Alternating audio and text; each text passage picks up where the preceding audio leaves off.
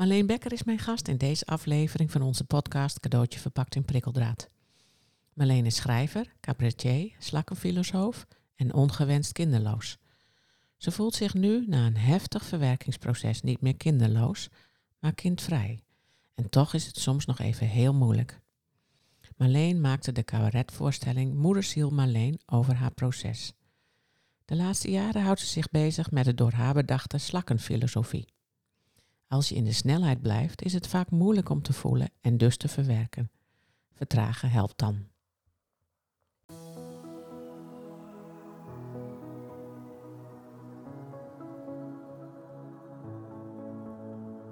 Dit is de podcast Cadeautje verpakt in prikkeldraad met Greet Vonk.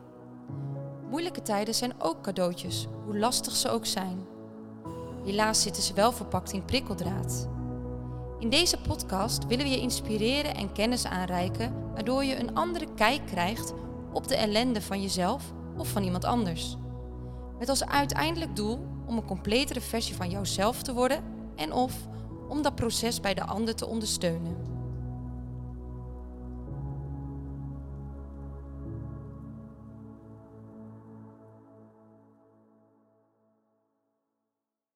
Marleen, welkom. Dankjewel. We gaan het hebben over kinderloosheid. Ja, gezellig onderwerp, hè? Ja, heel, ja, heel- heel leuk. Ja, maar dan anders. Nou ja. En we gaan het ook nog hebben over waar jij nu heel erg mee bezig bent, maar dat doen we aan het eind van het gesprek. Ja. De slakkenfilosofie. Ja, Ik denk dat heel veel mensen daar een beeld bij hebben, maar dat ga je ook nog iets over vertellen.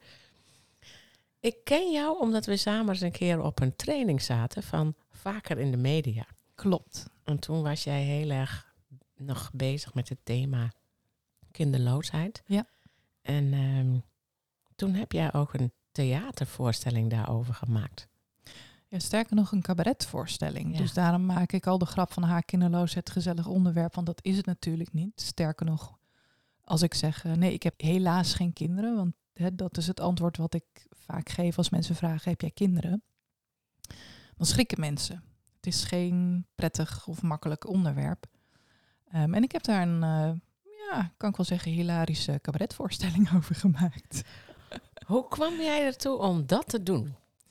Nou, laat ik het zo zeggen. Sinds mijn 22e maak ik al af en aan eh, cabaret en kortere voorstellingen. En ja, de manier waarop ik cabaret maak is eh, dat het gaat over mijn eigen leven, de dingen die ik in het leven tegenkom. En nou, die kinderloosheid, dat was wel een dingetje wat ik tegenkwam.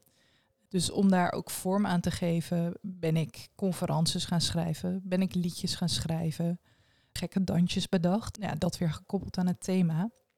En ja, ik weet niet, na een jaar of twee, drie, dacht ik, verrek, als ik al die losse elementen nou bij elkaar optel, dan heb ik volgens mij een avondvullende cabaretvoorstelling.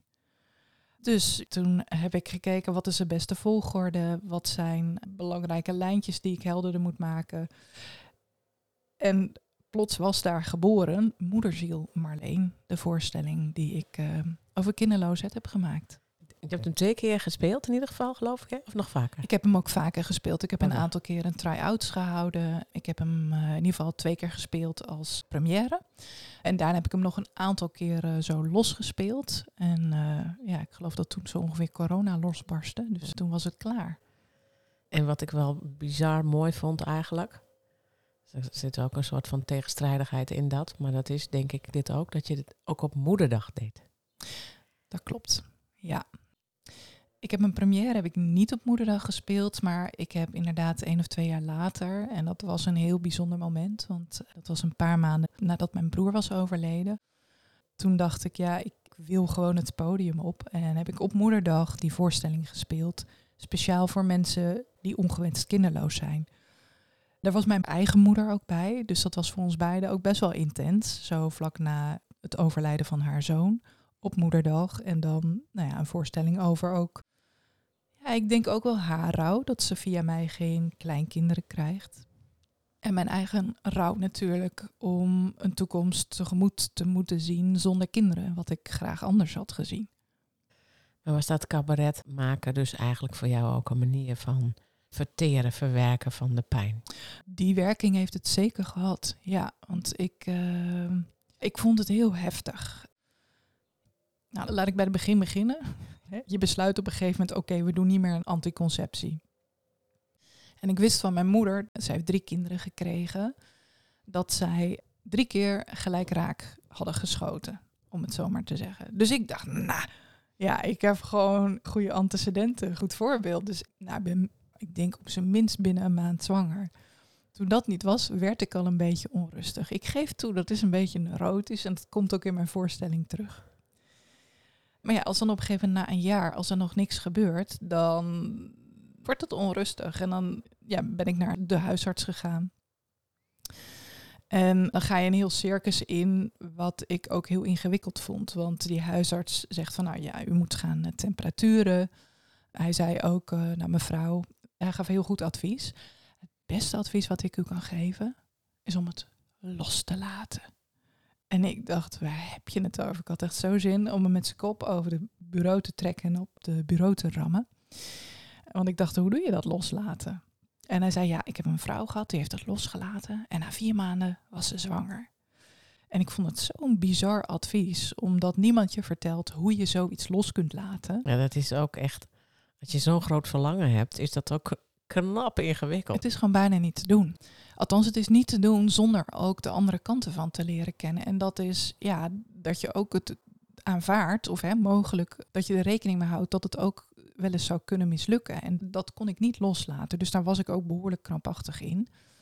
En nou ja, dat hij in mijn ogen bizarre advies gaf, daar heb ik ook een scène over geschreven in de voorstelling. Dus één ding is, uh, nou, ik was boos. Ik was gewoon boos omdat het mij niet lukte of omdat het ons niet lukte. Maar ik nam dat vrij persoonlijk. Ik had het idee dat ik als vrouw eigenlijk ook mislukt was. Want een fatsoenlijke, normale vrouw, die kan toch minstens kinderen werpen. Weet je, ja, dat is toch wel een beetje het minimum. En wat ik ook ingewikkeld vond, is dat ik er heel anders in stond dan mijn man. Want in het begin van onze relatie hebben we het er ook over gehad. Hè? Willen we kinderen? Wat zou jij willen? Wat zou ik willen? En ik wilde dat heel graag. En hij, nou, voor hem hoefde dat niet zo nodig. Maar goed, omdat ik het was, dacht ik, nou, wil ik wel aan dat project meewerken. Zo noem ik het ook in de voorstelling, project kind. Ja. Hij deed het voor jou. Ja, voor een groot deel. En helemaal toen we op een gegeven moment in een medische mallenmolen kwamen, waar we op een gegeven moment ook zijn blijven hangen, toen merkte ik dat ik heel erg wilde. Ik zat echt behoorlijk te pushen. En op een gegeven moment merkte ik ook, wacht even, volgens mij ben ik de enige die op dit moment dit project trekt. En dat wilde ik niet. Ik dacht, oké, een kind wil ik graag. Maar ik wil het ook met hem. Ik wil niet in mijn eentje voorop lopen. En voor mijn gevoel liep hij echt meters achter mij. Dat wilde ik niet. En dat was ingewikkeld om met dat verschil bij elkaar te blijven. Ja. En hoe hebben jullie dat gedaan? Er zijn een aantal stappen, denk ik, geweest. Een belangrijke stap is dat we het medisch traject stop hebben gezet. Dus we zijn naar de fertiliteitsarts geweest en ik stond op het punt om hormonen te gaan prikken om een IVF-traject in te gaan. Want om even helder daar ook over te zijn, lag aan hem. Ja, hij had kutteprutte flutzaad, zoals ik in de voorstelling zeg. En dat vond ik ook best wel ingewikkeld, want ik wilde het graag. Met mij was niks aan de hand. En dan heb je zo'n man die het niet doet. Ja. zo'n man die het niet doet. En het eerste wat ik heb gedaan op advies van een kennis van mij is het stopzetten. Nou, dat was al best wel pittig. Op een gegeven moment heeft hij tegen mij gezegd, een paar maanden later, van nou, ik vind het eigenlijk prima om met z'n tweeën te blijven.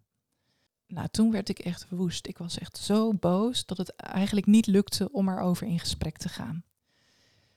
En toen heb ik ook heel erg getwijfeld, blijf ik bij deze man? En in je voorstelling komt dat ook terug, hè? Man, man kind, man, kind. Ja, ja dat, en het voelde ook echt zo van mijn ene been op mijn andere been. Dat ik dacht, ja, is bijna een onmogelijke keuze. Het is een hele moeilijke keuze, want je wilt het allebei niet. Ik wilde niet alleen een man zonder kind, maar ik wilde ook niet een kind zonder man.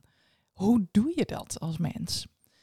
En toen heb ik op een gegeven moment gedacht, ik wil in ieder geval erover kunnen praten. En dat lukte niet omdat ik zo boos was. En dat was voor hem ook heel heftig om daarmee om te gaan. Hij voelde zich schuldig, omdat hij had gezegd van ja, voor mij hoeft het niet.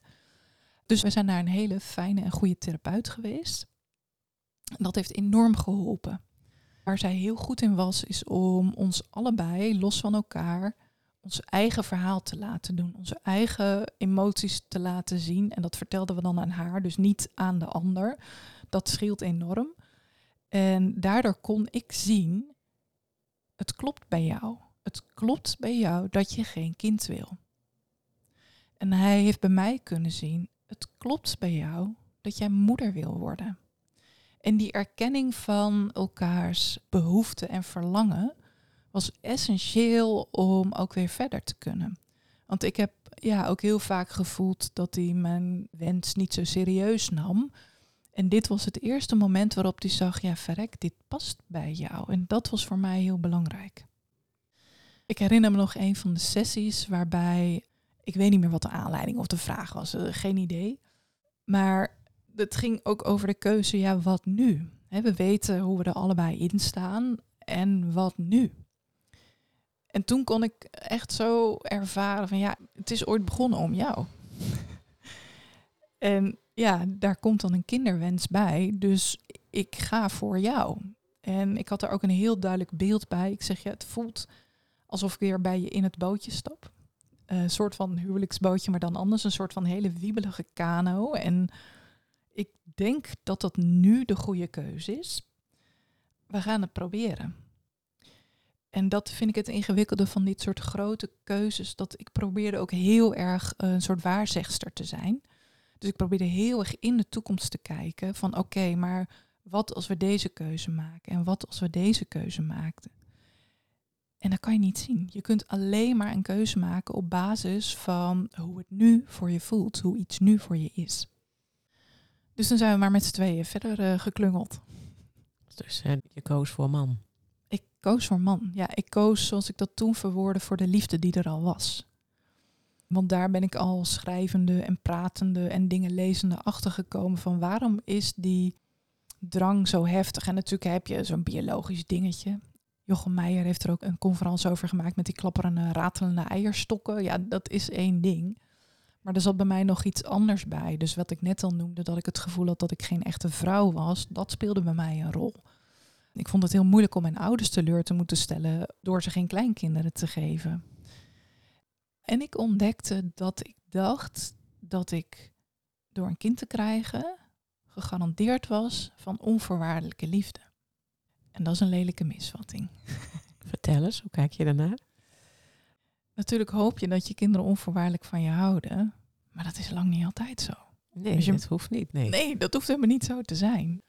En ik weet nog dat ik bij een of andere cursus was. Dat was een ondernemerscursus. En we werden het bos ingestuurd voor een of andere opdracht.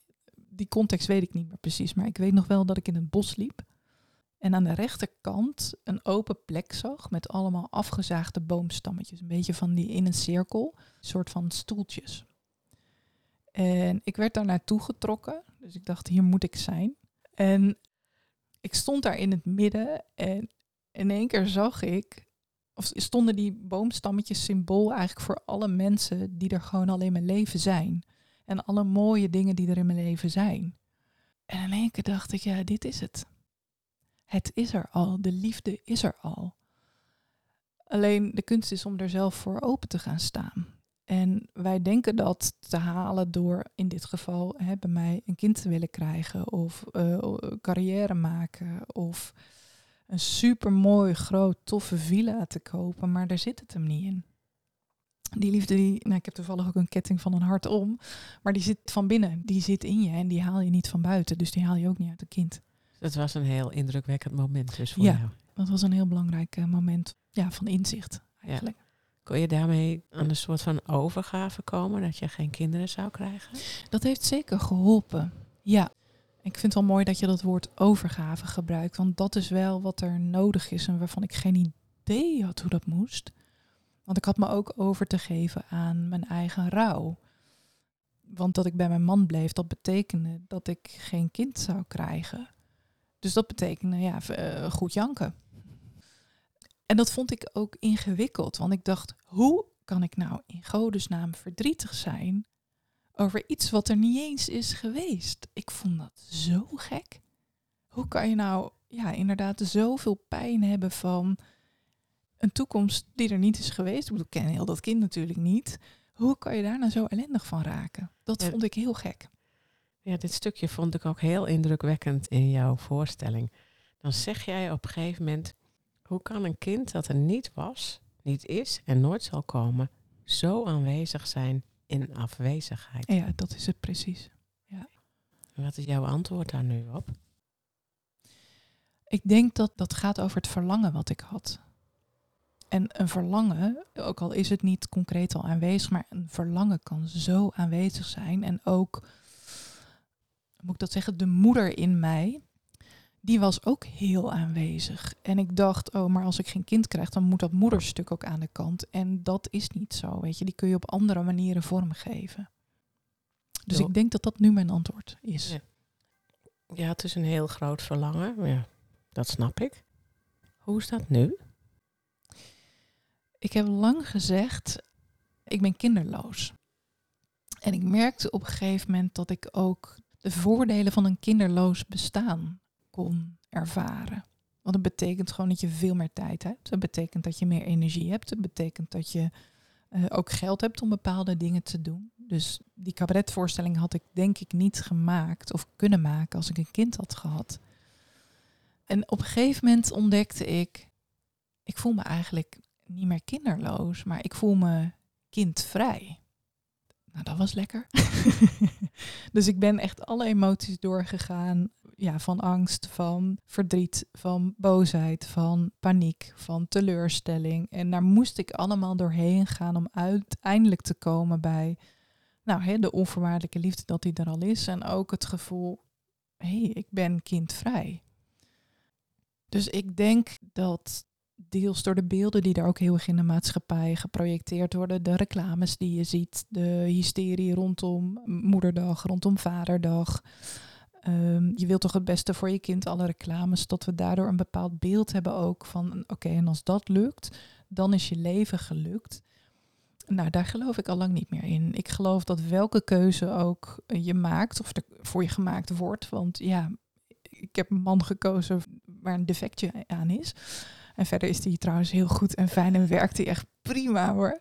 Ehm, maar ja, dat welke keuze je ook maakt, dat je er het beste van maakt. En dat je uiteindelijk vrede kunt sluiten met hoe het is. En ik denk dat daar uiteindelijk het grootste geluk in zit. Dat je vrede sluit, aanvaardt, ehm, accepteert dat je leven is zoals het is. Er zijn denk ik ook veel mensen waarbij dit gewoon uiteindelijk niet lukt. Hè? Ken jij die ook? Het aanvaarden. Ja. Kan je daar iets bij voorstellen? Eerlijk gezegd vind ik dat best lastig om me voor te stellen. Dus ik weet nog dat bij de therapeut waar mijn man en ik zijn geweest, daar heb ik ook een workshop gevolgd voor kinderloze vrouwen. En ik schrok daar best wel ook van, terwijl ik dacht, ik bijt me alvast in mijn kinderwens. Dat ik dacht, oh wauw, weet je, dat kan nog tien keer zo erg om het zo maar te zeggen. En ik merk dat ik ook heel voorzichtig praat, omdat het heel pijnlijk is natuurlijk voor vrouwen die de kinderwens niet los kunnen laten. Dus ik denk ook dat het in zekere zin moed vraagt om dat te doen. En ook je eigen angsten in de ogen te kijken.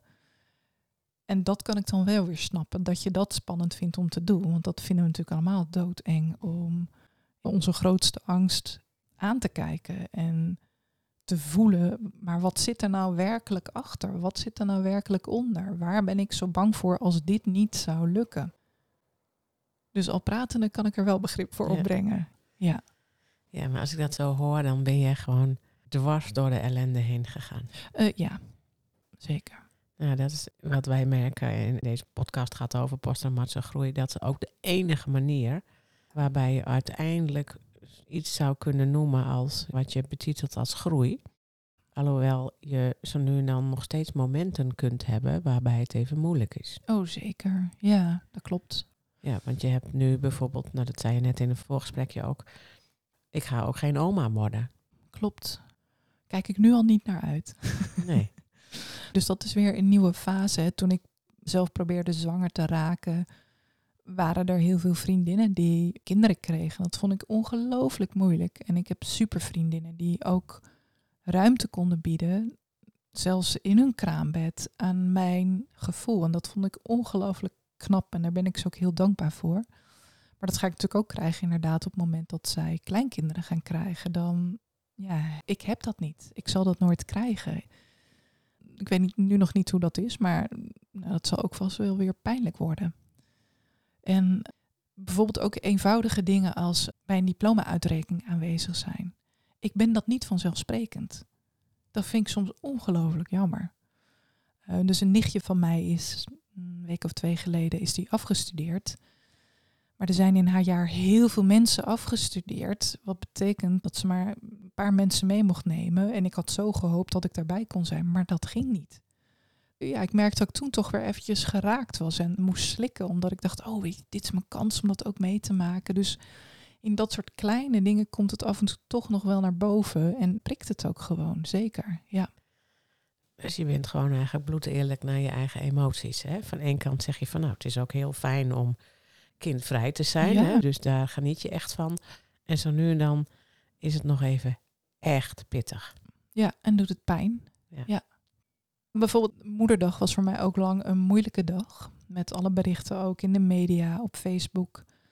En uh, wij hebben buren, die hebben een meisje van vier en een meisje van gok twee.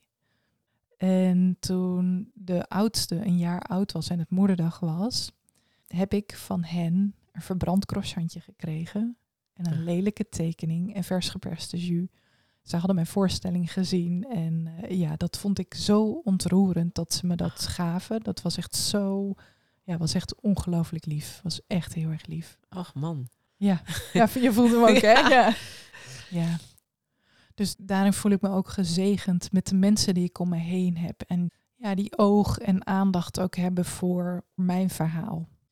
En ik weet dat dat lang niet bij iedereen zo is. Dat lang niet iedereen mensen om zich heen heeft die makkelijk hierover praten. Nou ja, er is natuurlijk ook nog best een taboe hè, op dit onderwerp. Ik geloof het wel, maar voor mij persoonlijk niet meer. Dus dan moet ik me er altijd even aan herinneren. Oh ja, voor mij is er geen taboe, maar voor heel veel andere mensen wel. Ja, dat is net zoiets als allerlei vormen van ellende. Vinden heel veel mensen moeilijk om over te praten. Ja. Nou, dit is dan ook zo'n ja, onderwerp. Klopt. Nou, wat jij net ook zei dan, uh, ik heb helaas geen kinderen. Zeg je dat nu nog steeds zo? Nu niet meer eigenlijk. En ik weet nog dat toen ik echt midden in die pijnlijke fase zat, dat ik ook bewust koos, zeg ik dat woordje helaas er nou wel of niet bij. Want precies wat je zegt, mensen vinden het niet leuk om over ellende te praten.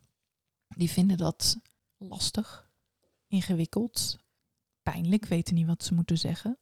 Zeggen soms ook onhandige dingen. Wat zou jou geholpen hebben? Of wat heeft jou geholpen? Voor mij hielp de vraag, maar dat is dus weer heel persoonlijk. Want sommige mensen willen er helemaal niks over zeggen. En ik voor mij is het heel behulpzaam geweest om er wel over te praten. Mij hielp het heel erg als iemand zei, hoe is dat voor jou? En gewoon hè, op de simpele vraag, uh, inderdaad, heb jij kinderen? Nee, helaas niet. Dan zie je vaak mensen even terugdeinzen. Shit, wat nu? Hoe is dat voor jou? Is voor mij een hele prettige, neutrale, openende vraag. En dat kan voor iemand ook heel moeilijk zijn, ja. Maar dan heb je wel aandacht en belangstelling. Ja, en dat is belangrijk.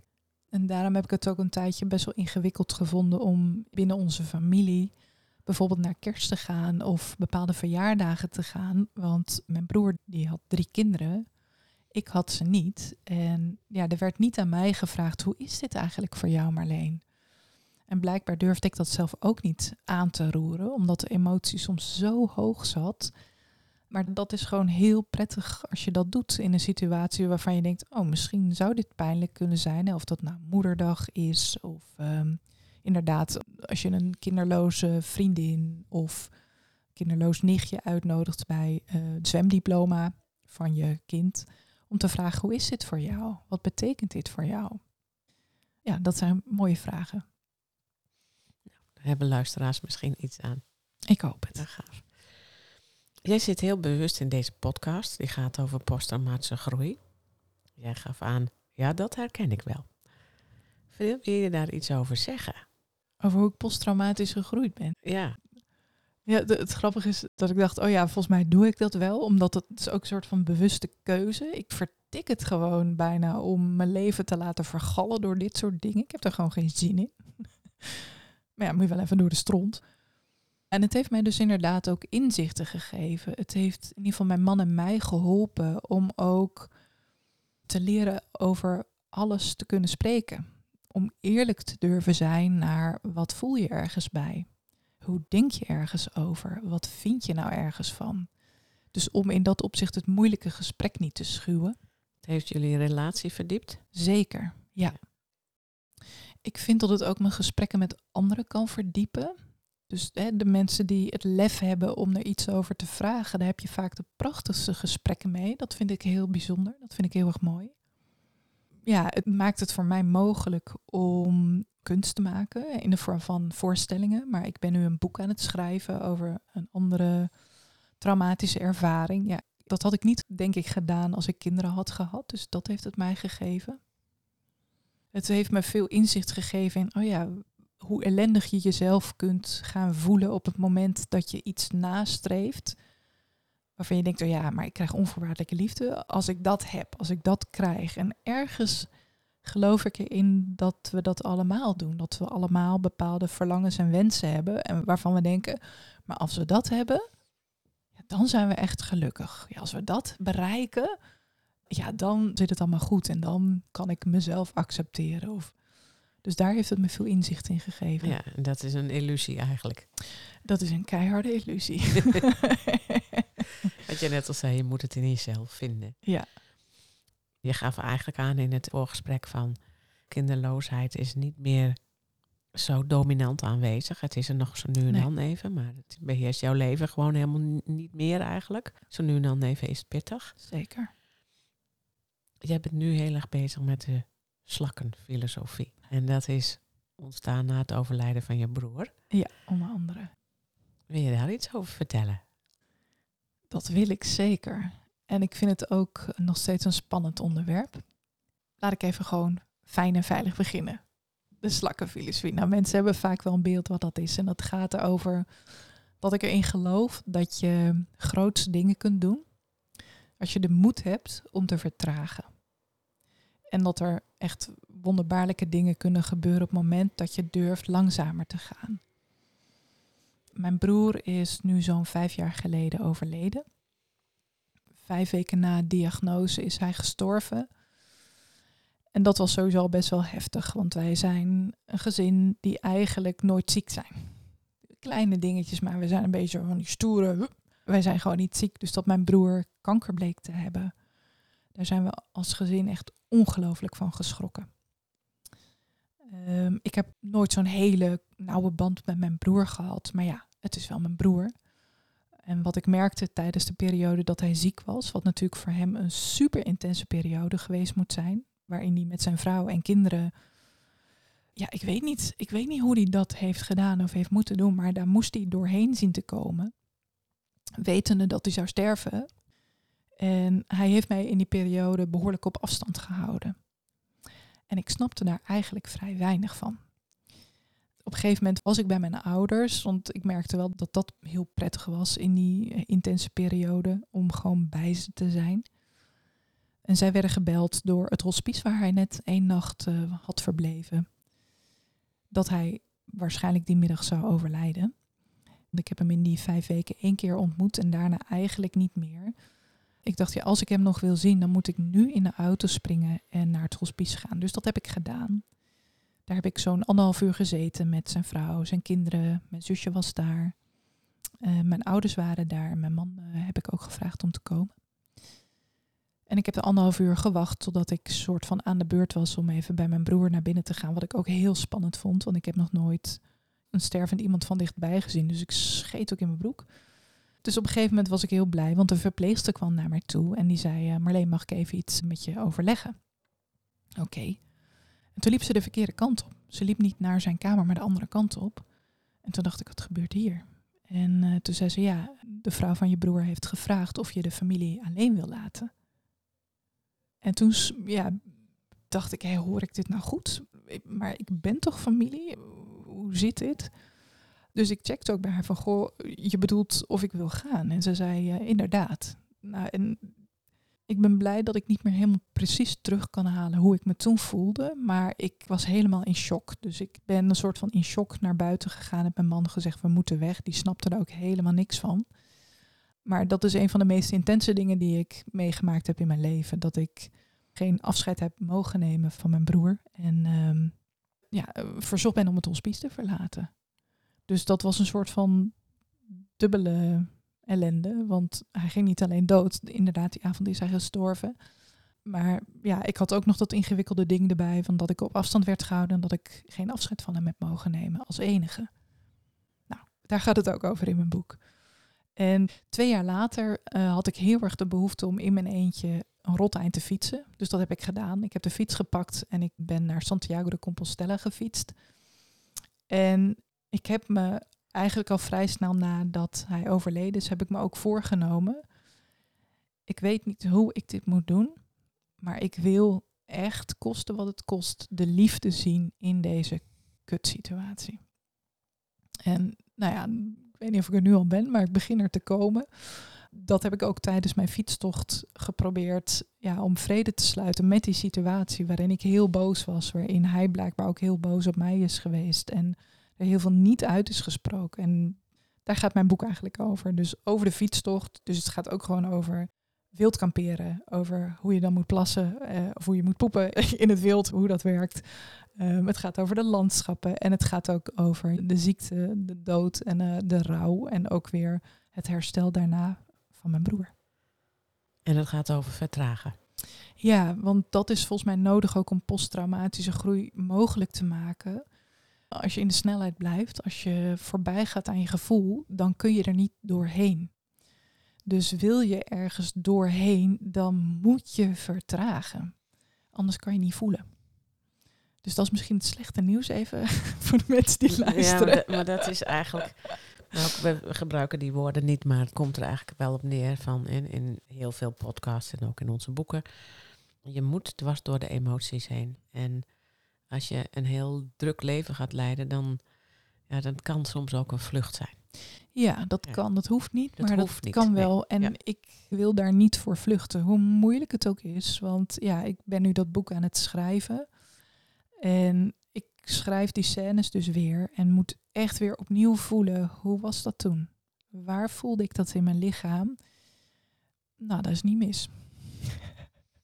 Of zoals mijn schrijfcoach zegt, ja, het spaart uh, kosten uit voor therapie. Nou ja, het kost ook wat, dus dat is pittig. Maar door het maken van de voorstelling Moederziel Marleen, de cabaretvoorstelling, weet ik dat het me uiteindelijk kan bevrijden ook van die emoties. En dat ik anders naar de situatie kan gaan kijken. Denk je dat, dat doordat jij al door de ellende van het kinderloos zijn en die periode bent gegaan, dat je dit überhaupt hebt kunnen doen? Dat zou best wel eens kunnen, ja. Ik durf dat niet zo heel stellig te zeggen, maar dat denk ik wel. Ik weet dat in de shit een parel kan zitten. Dat weet ik. En ehm, ja, dat helpt wel om ook maar te denken, oh, laten we maar weer induiken in die stront. Want dat is de enige manier om er doorheen te komen. En uiteindelijk de parel van de liefde daarin te zien. Hey, jij wilt nu verder gaan met die slakkenfilosofie. Wat is jouw doel, jouw oog? Heb je een missie? Wat wil je? Ik geloof dat mijn missie is in ieder geval wat ik te doen heb hier in dit uh, aardse leven. Dat is dat ik liefde met humor wil verspreiden. Dus Moeder Ziel Marleen gaat eigenlijk over liefde. Dit boek gaat ook over liefde. En wat ik met het boek en ook met de inspiratiesessies die ik daarover geef wil, is mensen echt aanmoedigen om de ballen te hebben om naar binnen te keren, om te durven voelen. En ik wil ze ook laten zien dat, en ik noem dat de monsters in mijn hoofd, die negatieve gedachten die ons zeggen dat we ons aanstellen, dat we niks kunnen, dat we een sukkels zijn. Dat je die vooral uh, ja, gewoon een beetje moet laten kletsen, maar dat je die niet moet geloven. Want als je gaat zien van, oh ja, weet je, heel veel ellende, die praten we onszelf gewoon aan, dan ontstaat er een opening naar, nou, waar ik mijn hele godganse leven naar op zoek ben, naar die onvoorwaardelijke liefde. Die er eigenlijk altijd is. Tenzij wij daar niet open voor staan. En dat is 9 van de 10 keer zo. Want we zijn zo druk met dat leven en met dit en dat en zus en zo. Dus op het moment dat je durft te vertragen, ontstaat er een opening in de drukte. Waardoor je eerst ook een hoop onrust en ellende en rottigheid gaat voelen. Want daar hebben we een tijd lang niet naar gekeken. Daarbij durven blijven en vervolgens ontdekken: oh, wacht even. Maar daarna schijnt de zon. Ik geloof dat dat is wat ik ermee wil. Mooi. Het beeld wat het bij mij in eerste instantie oproep was een hele andere. Namelijk zoiets van, oké, laten we eigenlijk met elkaar het niet zo geweldig druk doen en dat soort dingen. Gewoon meer relaxed leven. Maar je bedoelt er iets anders mee of ook? Ja, het is ook. Want ik vertelde je ook eh, in het voorgesprek dat ik net gestopt ben met mijn baan als docent bij de Hogeschool van Amsterdam. En dat heeft daar wel mee te maken. Het was mij gewoon te druk. Ik vond het gewoon te veel. En ik werkte tussen aanhalingstekens maar drie dagen. Ja, dan denk ik walk your talk. En ehm, ja, dan heb ik te stoppen. Want ik trok het gewoon niet. En ik heb wel het gevoel dat heel veel mensen daar ook een beetje klaar mee zijn. Met dat eeuwige rennen en onszelf helemaal gek maken met wat we ook allemaal doen. En daar is ook moed voor nodig om dingen niet meer te doen. En om te zeggen, nee, ik stop hiermee dit ga ik niet meer doen. Ja, en dan heb je wel, je gaat dan niet meer werken. Maar je hebt natuurlijk ook op een gegeven moment wel een financiële situatie. Ja, ik hoop een rooskleurige financiële situatie te hebben. Dus ja, het betekent dat ik weer ZZP'er word. En ik hoop eigenlijk met het spreken over de slakkenfilosofie voorlopig mijn geld te gaan verdienen. En dat is weer een sprong in het diepe. En dat vind ik ook weer doodeng. En tegelijkertijd is er een soort van heel diep gevoel van ja, dit is gewoon wat ik moet doen. Hoe ga jij die lezingen doen? Als cabaret of wat ga je doen? Nee, ik zet ze bewust niet neer als cabaret, want het is geen voorstelling.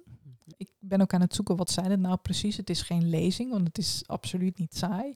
Ja, een presentatie. Hm, ik noem ze nu inspiratiesessies. Dus ik vertel verhalen. Ik zeg ook, ik neem je mee achter op de fiets. En er zitten ook kleine reflectiemomenten in, waarbij je zelf ook weer even stilstaat bij hoe is het nu met me? Hoe voel ik me nu op de schaal van slakkigheid? Ben ik echt als een eh, gek bezig of denk ik, nou, best wel oké met me? En waarbij je ook nadenkt over, oké, die externe doelen, zoals ik dat noem, de, ik vond dat ik naar Santiago wilde fietsen, natuurlijk vrij, nou inmiddels redelijk normaal, maar het is op een bepaalde manier ook vrij geschikt natuurlijk om dat te doen en best een dingetje dat lijkt het dat het daarover gaat. Dat ik zo'n rot eind wil fietsen. Maar waar het in werkelijkheid over gaat, is hé, hey, wat is de manier waarop ik dat wil doen?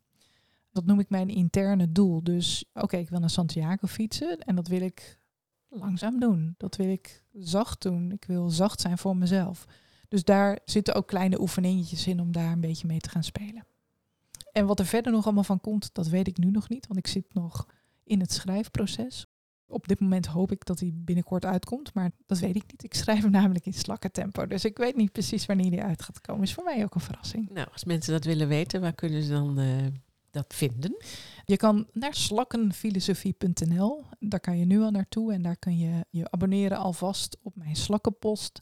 Krijg je echt heel af en toe een berichtje van mij over mijn eigen slakkenmomenten, maar ook over, nou, hoe staat het met dat boek?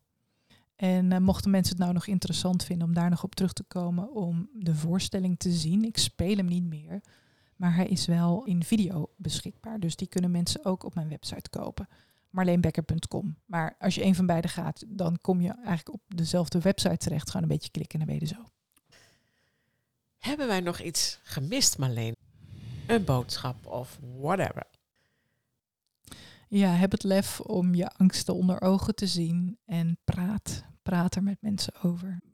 In welke shit je ook zit, dat maakt eigenlijk niet uit. Maar dat is echt de weg terug naar boven. Dat is echt ongelooflijk belangrijk. En heb je die mensen niet om je heen, zoek een paar nieuwe. Helemaal goed. Dankjewel. Jij ook bedankt. Dankjewel voor het luisteren naar deze cadeautje verpakt in prikkeldraad podcast. We willen nog graag een paar belangrijke dingen met je delen. Als je enthousiast bent over deze podcast, dan zijn we blij met een review. Daarmee help je ons bij onze missie. Je kunt de podcast natuurlijk ook doorsturen aan mensen van wie jij denkt dat ze er ook iets aan hebben. Wil jij voortaan alle nieuwe podcastafleveringen overzichtelijk op een rijtje? Abonneer je dan op deze podcast. Heb je vragen of ideeën voor deze podcast? We horen het graag. Je kunt een mail sturen naar info@sterkerdoorellende.nl of Greet Vonk een bericht sturen op LinkedIn. Zoveel mensen kunnen profiteren van een andere kijk op ellende. Het is daarom onze missie om PTG bekender te laten worden dan PTSS. Wil jij meer weten over PTG of bijdragen aan onze missie? Je kunt op onze website www.sterkerdoorellende.nl onze boeken bekijken en eventueel kopen, de e-learning bekijken, een gratis inspiratiesessie volgen, PTG-vragenlijst invullen, workshops en opleidingen boeken. We hopen dat deze podcast jou heeft geïnspireerd, zodat je in tijden van ellende in jouw leven of werk kiest voor het positieve en hoopvolle gedachtegoed van PTG. Voor jouzelf, je familielid, je vriend, vriendin, collega, klant, voor wie dan ook. Tot de volgende keer.